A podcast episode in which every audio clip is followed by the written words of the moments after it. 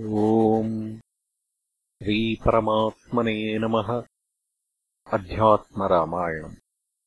उत्तरकाण्डम्। प्रथमः सर्गः जयति रघुवंशतिलकः।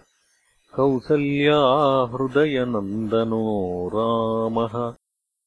दशवदननिधनकारी। दाशरथिः पुण्डरीकाक्षः पार्वत्युवाच। अथ रामः किमकरोत् कौसल्यानन्दवर्धनः हत्वा मृधे रावणादीन् राक्षसान् भीमविक्रमः। अभिषिक्तस्त्वयोऽध्यायाम् सीतया सह राघवः। मायामानुषताम् प्राप्य कति वर्षाणि भूतले। स्थितवान् लीलया देवः। परमात्मा सनातनः। अत्यजन्मानुषम् लोकम् कथमन्ते रघूद्वहः। एतदाख्याहि भगवन्। श्रद्दधत्या मम प्रभो। कथापीयूषमास्वाद्य तृष्णामेतीव वर्धते। रामचन्द्रस्य भगवन् ब्रूहि विस्तरशः कथाम् श्रीमहादेव उवाच। राक्षसानाम् वधम् कृत्वा राज्ये राम उपस् स्थिते। अययुर्मुनयः सर्वे। श्रीराममभिनन्दितुम्। विश्वामित्रोऽसितः कण्वो दुर्वासा भृगुरङ्गिराः। कश्यपो वामदेवोऽत्रिस्तथा सप्तर्षयो मलाः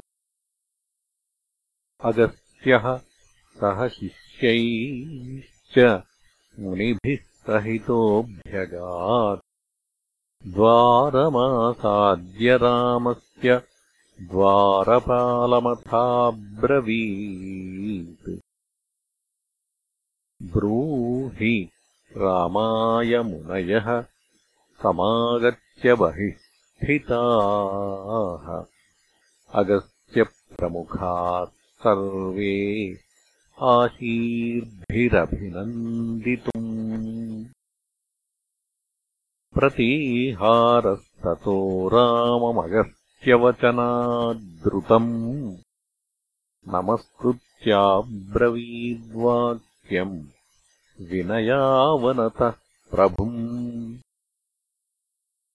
कृताञ्जलिरुवाचेदमगस्त्यो मुनिभिः सह देव त्वद्दर्शनार्थाय प्राप्तो बहिरुपस्थितः। तमुवाच द्वारपालम् प्रवेशय यथा सुखम्। पूजिता विविशूयेष्म नानारत्नविभूषितम् दृष्ट्वा रामो मुनीन् शीघ्रम् प्रत्युत्थाय कृताञ्जलिः पाद्यार्घ्यादिभिरापूज्य गाम् निवेद्य यथाविधि। नत्वा तेभ्यो ददौ दिव्यान्यासनानि यथार्हतः उपविष्टाः प्रहृष्टाश्च मुनयो रामपूजिताः। सम्पृष्टकुशलाः सर्वे रामम् कुशलमब्रुवन्। कुशलम् ते महाबाहो। सर्वत्र रघुनन्दन। दिष्ट्येदानीम् प्रपश्यामो हतशत्रुमरिन्दम। न हि भारः स ते राम। रावणो राक्षसेश्वरः सधनुस्त्वम् हि लोकाम् स्त्रीन् विजेतुम् शक्त एव हि। दिष्ट्या त्वया हताः सर्वे राक्षसा रावणादयः सह्यमेतन्महाबाहो रावणस्य निबर्हणम्। असह्यमेतत् सम्प्राप्तम् रावणेर्यन्निषूदनम्। अन्तकप्रतिमाः सर्वे कुम्भकर्णादयो मृधे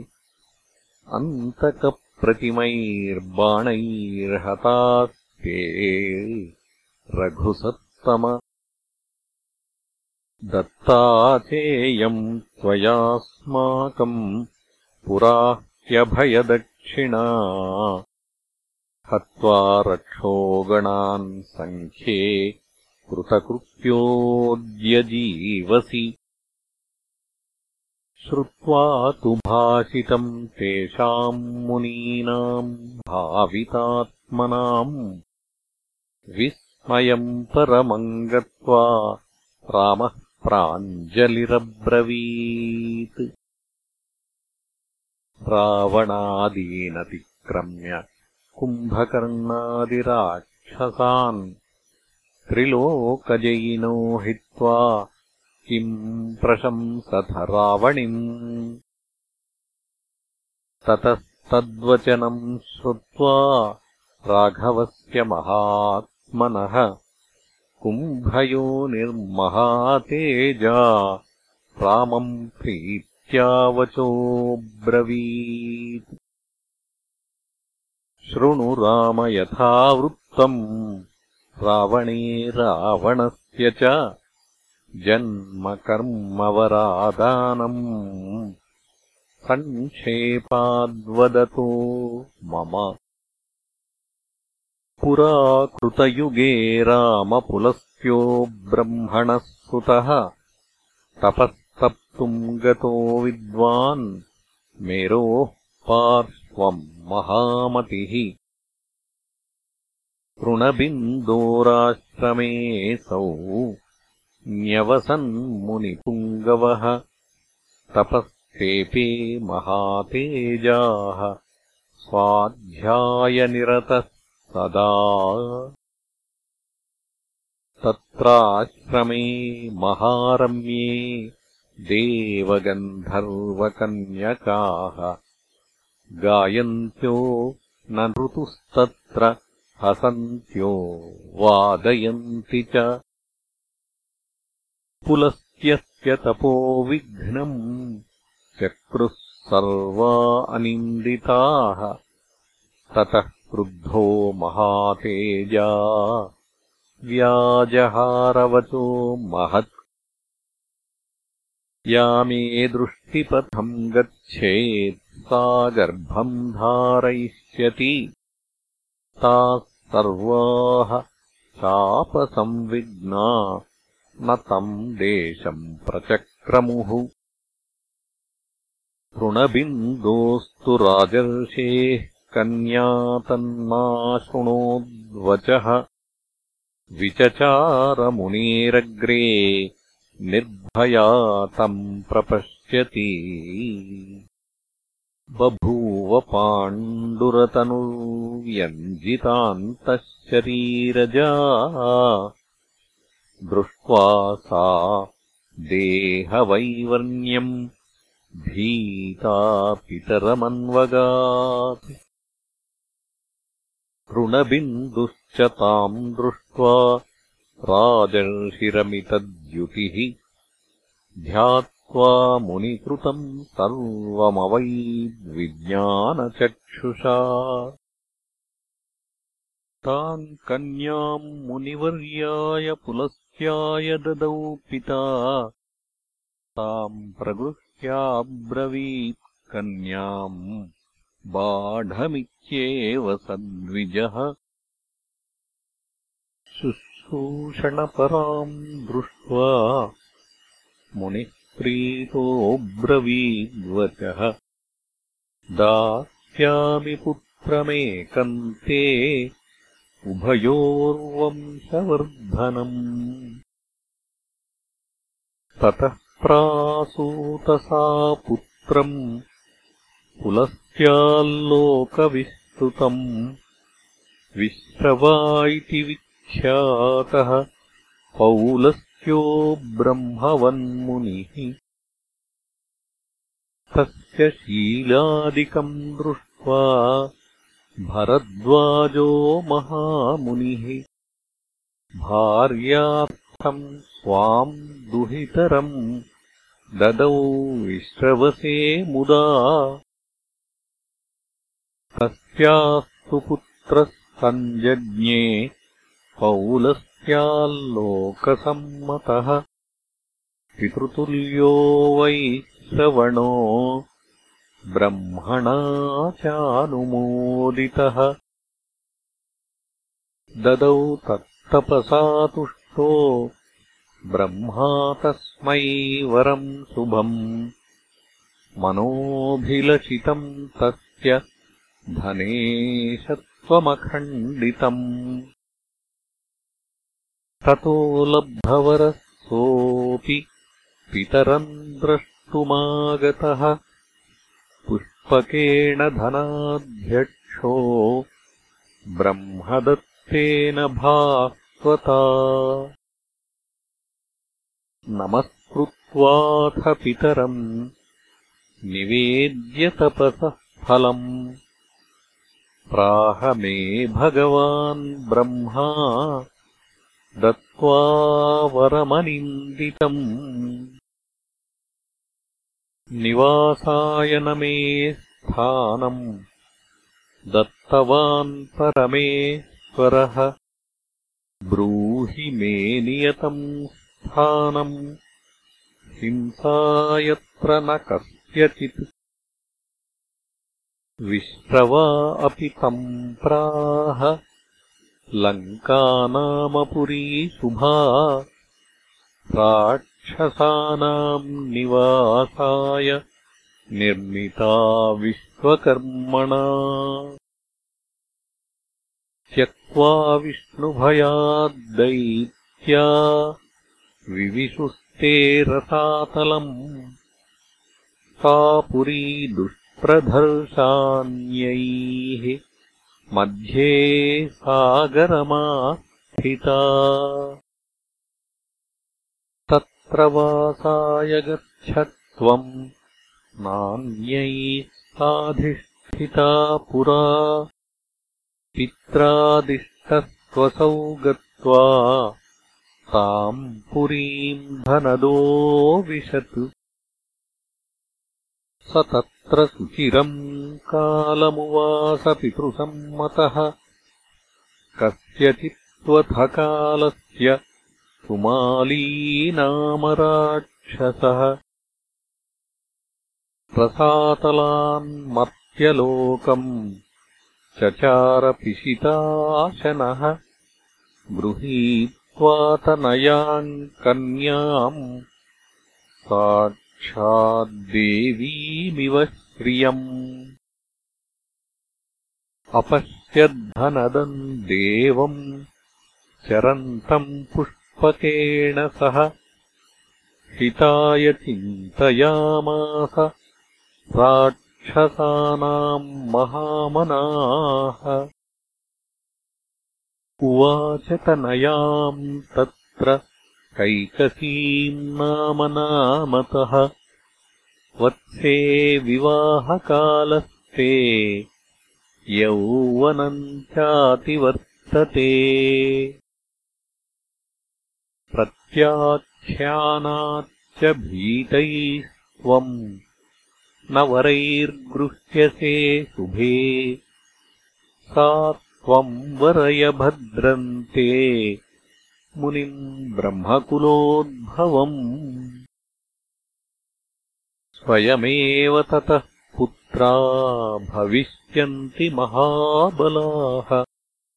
ईदृशाः सर्वशोभाढ्या। धनदेन समा शुभे तथेति साश्रमम् गत्वा मुनेरग्रे व्यवस्थिता लिखन्ती भुवमग्रेण पादेनाधोमुखी स्थिता। तामपृच्छन्मुनिः का त्वम् कन्यासि वरवर्णिनि साब्रवीत् प्राञ्जलिर्ब्रह्मन् ध्यानेन ज्ञातुमर्हसि।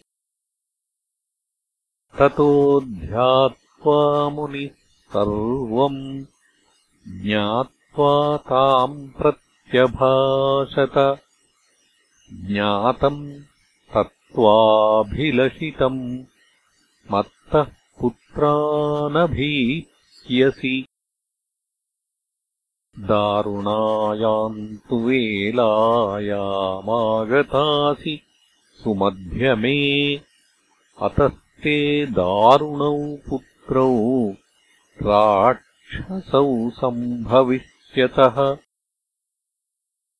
साब्रवीन्मुनिशार्दूल त्वत्तोऽप्येवम् विधौ सुतौ। तामाह पश्चिमो यस्ते भविष्यति महामतिः। महाभागवतः श्रीमान् रामभक्त्येकतत्परः। इत्युक्ता सा तदा काले सुङ्घवेदशकन्धरम्। रावणम् विंशतिभुजम् दशशीर्षम् सुदारुणम् तद्रक्षो जातमात्रेण वसुन्धरा बभूवुर्नाशहेतूनि निमित्तान्यखिलान्यपि कुम्भकर्णस्ततो जातो महापर्वतसन्निभः ततः शूर्पणखा नाम जाता रावणसोदरी ततो विभीषणो जातः शान्तात्मा सौम्यदर्शनः स्वाध्यायी नियताहारो नित्यकर्मपरायणः कुम्भकर्णस्तु दुष्टात्मा द्विजान् सन्तुष्टचेतसः। भक्षयन् ऋषिसङ्घांश्च विचचारातिदारुणः। रावणोऽपि महासत्त्वो लोकानाम् भयदायकः ववृधे लोकनाशाय श्यामयो देहिनामिव। रामत्वम् सकलान्तरस्थमभितो जानासि विज्ञानदृक् साक्षी सर्वहृदि स्थितो हि परमो नित्योदितो निर्मलः त्वम् लीलामनुजाकृतिः स्वमहिमा मायागुणैर्नाद्यसे। लीलार्थम् प्रतिचोदितोऽद्य भवतो वक्ष्यामि रक्षोद्भवम्। जानामि केवलमनन्तमचिन्त्यशक्तिम् चिन्मात्रमक्षरमजम् विदितात्मतत्त्वम्। त्वाम् राम गूढनिजरूपमनुप्रवृत्तो। मूढोऽप्यहम् भवदनुग्रहतश्चरामि एवम् वदन्तमिनवम् शपवित्रकीर्तिः। कुम्भोद्भवम् रघुपतिः प्रहसन् बभाषे मायाश्रितम् सकलमेतदनन्यकत्वान् मत्कीर्तनम् जगति पापहरम् निबोध इति श्रीमदध्यात्मरामायणे उमामहेश्वरसंवादे उत्तरकाण्डे प्रथमः सर्गः